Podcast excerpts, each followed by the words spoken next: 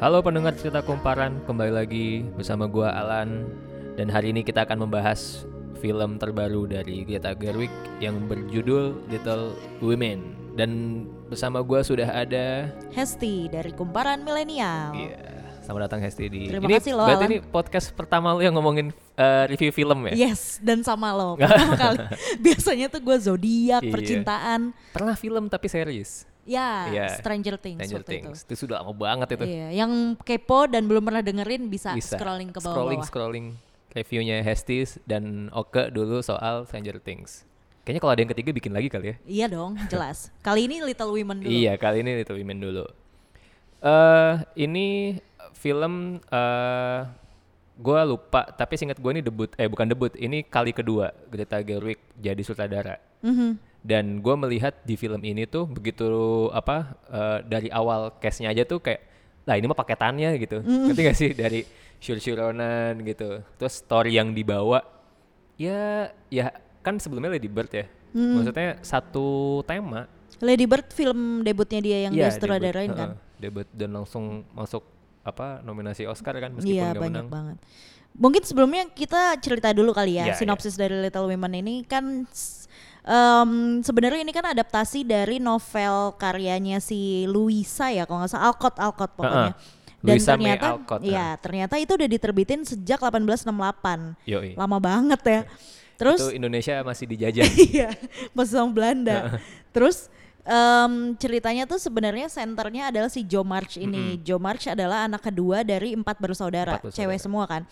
Ada Mac March, Joe March, Beth March, sama Amy. March. Nah, si Joe March ini tuh em, seseorang perempuan muda yang sangat ambisius, persisten, gigih, keras kepala. Dan itu udah langsung gua rasain di adegan awal film Little Women Oh, sih. scene pembukanya ya. Ya, scene pembuka ketika dia pe- ke penerbit, terus habis itu kayak dia menawarkan ceritanya segala macam. Walaupun sebenarnya dia agak hesitant, eh, gimana ya? Dia kan nggak mau ngasih tahu namanya dia kan di tulisan-tulisannya itu kan. Itu. Tapi di sisi lain dengan flashbacknya dia eh, dengan saudaranya dan keluarganya tuh juga memun kayak menunjukkan sisi lain dari dia yang penyayang Iya. dan juga caring ke keluarganya, Ke keluarganya. ini. Heeh. Jadi kan dia tuh punya eh, tinggalnya selain sama si kakak adeknya itu sama ibunya juga kan. Terus ada bibinya itu Iya. Meryl Streep. Itu menarik banget sih Itu- bibinya itu- yang sangat Iya, iya. Line paling membekas sih. ya. Atau ada di bibinya trailernya juga BTW. apa? Ada di trailernya itu. Yang mana? Line-nya Meryl Streep yang eh, apa sih? Yang gue nggak mau nikah gitu. Eh, enggak, setiap setiap perempuan tuh harus menikah gitu. Terus Hmm. kayak tapi kan eh, Bibi tidak menikah ya karena aku kaya. Iya, itu oke banget sih. Dia maksudnya kalau lu lihat di tahun 18-an Hmm. itu, 1800-an itu dan ada sesosok perempuan yang sampai tua dia masih melajang gitu kan, menghidupi dirinya sendiri bahkan eh, menghidupi keluarga lain gitu. Itu keren sih si Meryl Streep ini juga karakternya. Kayak em, selain ada Joe March terus lo ngelihat juga perwak apa eh, perwujudan feminis ini tuh dari si si On March-nya ini. Oh iya. Mm-mm.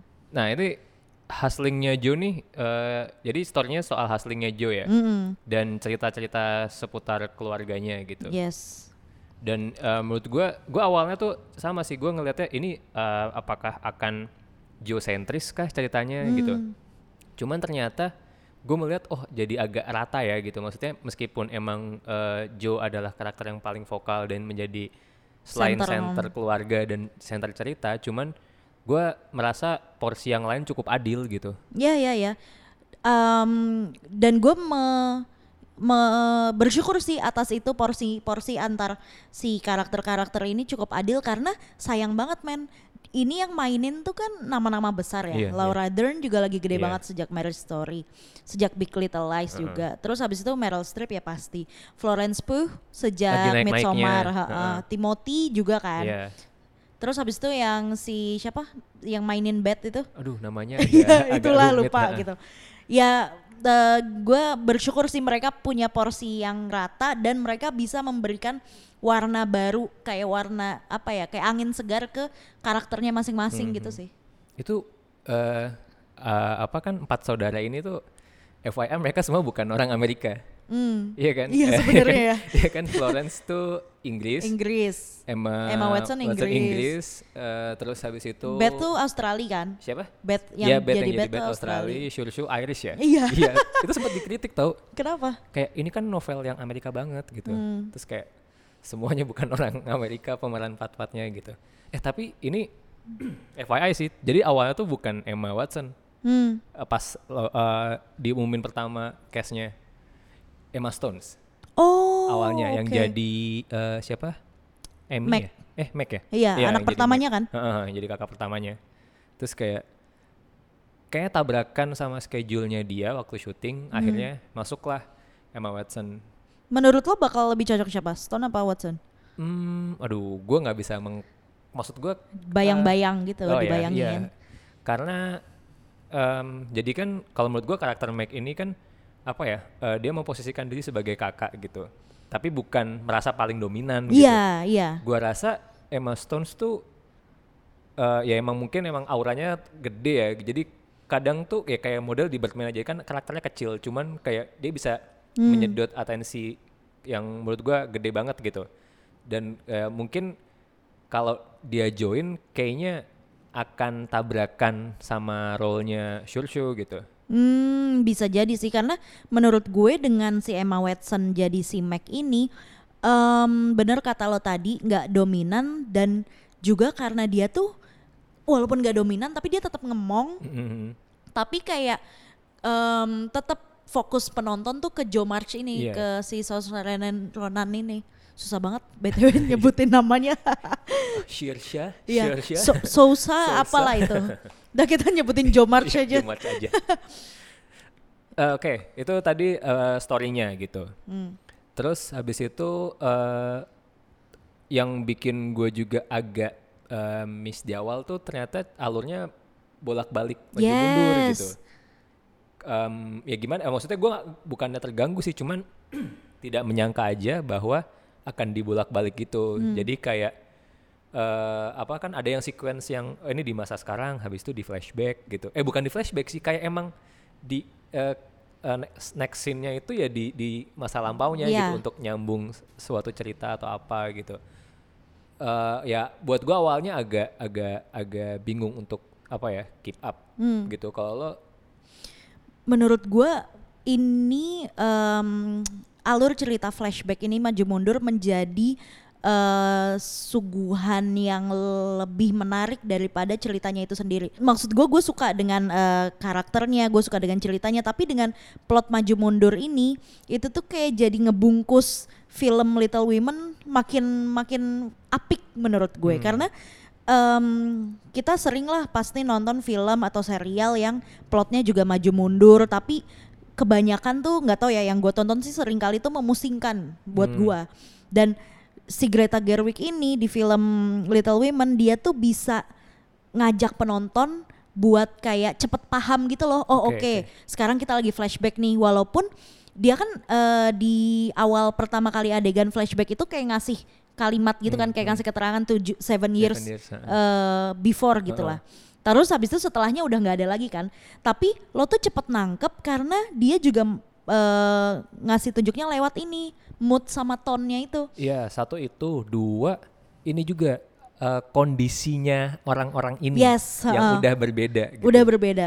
Itu gue semakin apa ya dari yang awal eh, pokoknya dari tengah-tengah film tuh gue sempet kayak agak mikir ini flashback bukan sih? Iya, ini iya, kayaknya iya, flashback. iya, iya. Masih agak mikir tapi kelama kelamaan tuh kayak gue mata gue kayak udah lama kelamaan tuh mata gue kayak udah terbiasa gitu loh ngelihat oh ini udah agak terang nih tonnya nih oren-oren gini nih. Dan terus kayak lebih hangat oh iya ini berarti flashback. Terus kalau misalnya balik lagi ke yang dia agak lebih gloomy gitu-gitu nih berarti yang masa sekarang. Dan juga kan itu kan em, apalagi waktu yang udah mau endingnya. Oke. Itu mainan flashbacknya enak banget gitu Hmm. loh kayak tak apa tek tek tekannya enak gitu nontonnya Katu-katanya enak ya. Iya, heeh, katu-katnya enak tek tekan. katu-katnya enak karena eh yang scene ini, aduh ini agak spoiler, boleh spoiler gak sih? Hmm, Ya dikit aja. Dikit aja. Oke, pokoknya scene yang eh, salah satu scene menyedihkan Ya ya. ya ketika si Joe March-nya bangun dari tidur Hmm. Waktu yang flashback kan dia bangun tidur terus ke dapur terus Hmm. masih menemukan Mm-mm.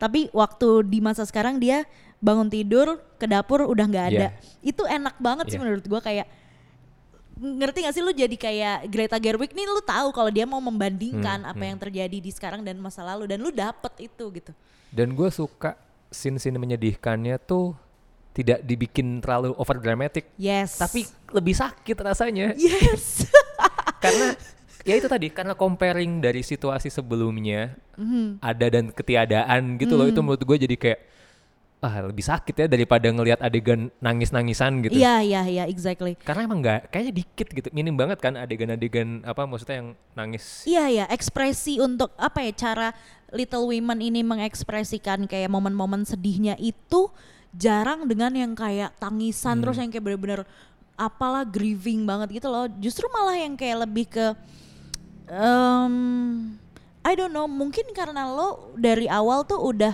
terpikat duluan kali ya sama karakter-karakter gitu ini. ya. Iya, jadi kayak lo enak aja udah dibawanya dengan eh, alurnya kisah mereka dari yang dulunya kayak deket banget terus lama-lama kan misah satu-satu pergi masing-masing.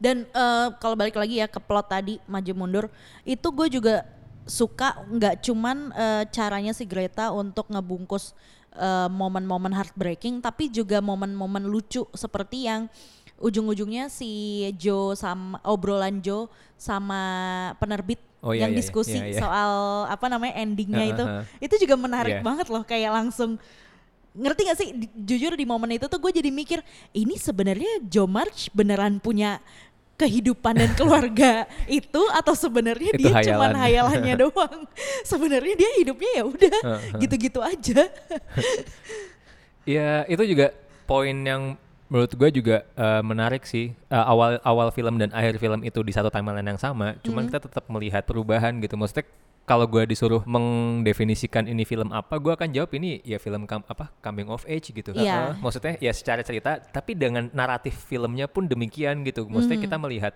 sebuah pendewasaan sebuah se- ya pendewa eh, meskipun dengan berbagai macam ya nggak maksudnya pendewasaan nggak nggak selalu harus dengan bersedih-sedih doang gitu bener Ya itu kayak ya ja- jadi inget benar-benar jadi inget sama ini Lady Bird gitu. Ya, benar-benar sama sih. Maksudnya em, itu juga hal yang menurut gua yang gue syukuri kenapa Hmm. eh, Little Women ini diadaptasi sama Greta Gerwig karena kita udah ngelihat dia di Lady Bird Hmm. dan em, karakter si Lady Bird ini sama juga gitu kayak karakternya Joe March kan. Jadi Iya, kayak dan pemainnya Yang pun juga sama. sama. Jadi kayak oke, udah udah bisa gitu. Dan juga kalau lu pernah nonton Frances Ha, Iya, filmnya si eh, Greta juga di Filmnya 2012. dia sama ininya sekarang. Iya sama- pacarnya Noah kan. itu tuh juga sebenarnya ada unsur-unsur yang dibawa ke Iya. Little Women seperti eh, ambisinya, mengejar ambisi itu, terus habis itu juga konflik batin, konflik kesendirian, konflik sama keluarga. Lady Bird kan juga konflik Iya. sama keluarga kan. Iya, heeh.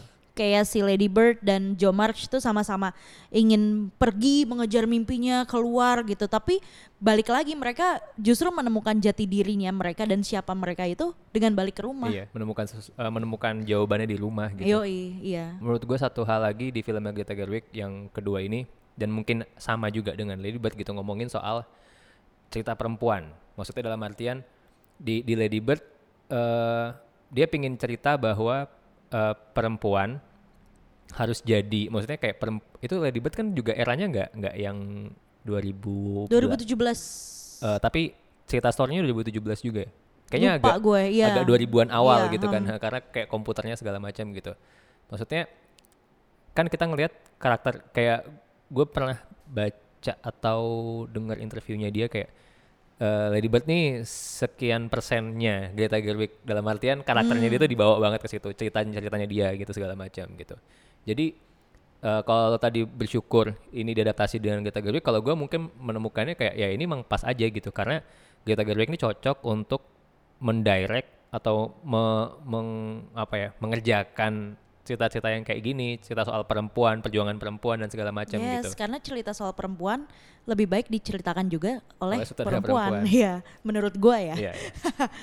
itu jadi salah satu ini juga sih, jadi salah satu trigger juga untuk untuk tidak memandang sebelah mata lagi gitu. Yes, of course. Udah saatnya sih. Iya. dan em, kalau misalnya lu mau apa bandingin lagi gitu ya sama Joe March dan karakter Joe March dan karakter Lady Bird, kenapa entah kenapa gue lebih suka lihat si Ronan ini sebagai Joe March daripada sebagai Lady Kenapa tuh? Bird. Karena em, menurut gue dia berhasil aja gitu memancarkan tekad kuatnya si Joe March terus habis itu em, cara dia kayak lari tergesa-gesa terus yang kayak dengan dia tau gak sih gestur kecilnya iya, yang iya. nutupin tinta Ha-ha. di jari jemarinya itu tuh kayak menurut gue dia berhasil sih memerankan sosok si Joe March ini karena gue sebagai penonton berasa kalau em, ini cewek ini punya mimpi yang besar tapi dia juga punya kepedu- kepedulian dan kasih sayang besar buat Hmm. keluarganya kan dia kan eh, Iya, iya. sempat ada adegan mengorbankan itu Iya, semua iya. kan dan ujung-ujungnya dia kembali lagi di situ itu tuh di situ momen gue kayak mikir gila ya ini cewek maksudnya dia tuh pengen keluar banget tapi dia tetap domestik Iya. gitu ngerti gak sih lu kayak dan, dan dia juga masalahnya dia punya potensi dan kapasitas Iya, untuk itu iya, gitu. dan ha. dia kayak membiarkan saudara-saudaranya dulu kelar dulu Hmm, urusannya baru dia menyelesaikan Iya. urusannya dalam bentuk si novelnya itu kan Kalau Lady Bird kan kayak kita ngeliat Lady Bird sotoy ya. Maksudnya Iya. gue ngeliat lebih ngeliat dia tuh kayak anak sotoy gitu. Iya gak sih? Kayak dia tuh eh, punya mimpi yang tinggi tapi menurut gue ketinggian gitu dengan Hmm. dengan emang ya kemampuannya dan kayak dia tuh menurut gue terlalu di apa ya dipengaruhi banget sama ya pertemanan remaja gitu Iya, kayak ya iya. ini keren ya segala macam bahkan kan dia ngorbanin temannya kan di Lady Bird Iya itu iya gitu. iya. Yang bikin gue lebih suka lagi sama film Little Women adalah dressnya, Oh, terus iya, habis iya. itu yang Production kayak ya. ya ya gitulah intinya. Go watch it guys. Oke, itu aja dari kita. Jadi apa Little Women ini tayang sejak 7 Februari. Yes. Em, ini menurut gua worth to watch. Hesti juga pasti akan bilang sama. Dan kalau misalnya kalian udah nonton ya, terus habis itu eh, kayaknya nggak setuju deh sama omongan kita, bisa ikut komen-komen di eh, story podcast ini. Terima kasih sudah mendengarkan. Terima kasih. Sampai jumpa di podcast podcast selanjutnya. Sekian dulu podcast kali ini dan terima kasih telah mendengarkan podcast Cerita Kumparan. Jangan lupa untuk klik kumparan.com atau follow Instagram kita di @kumparan.com.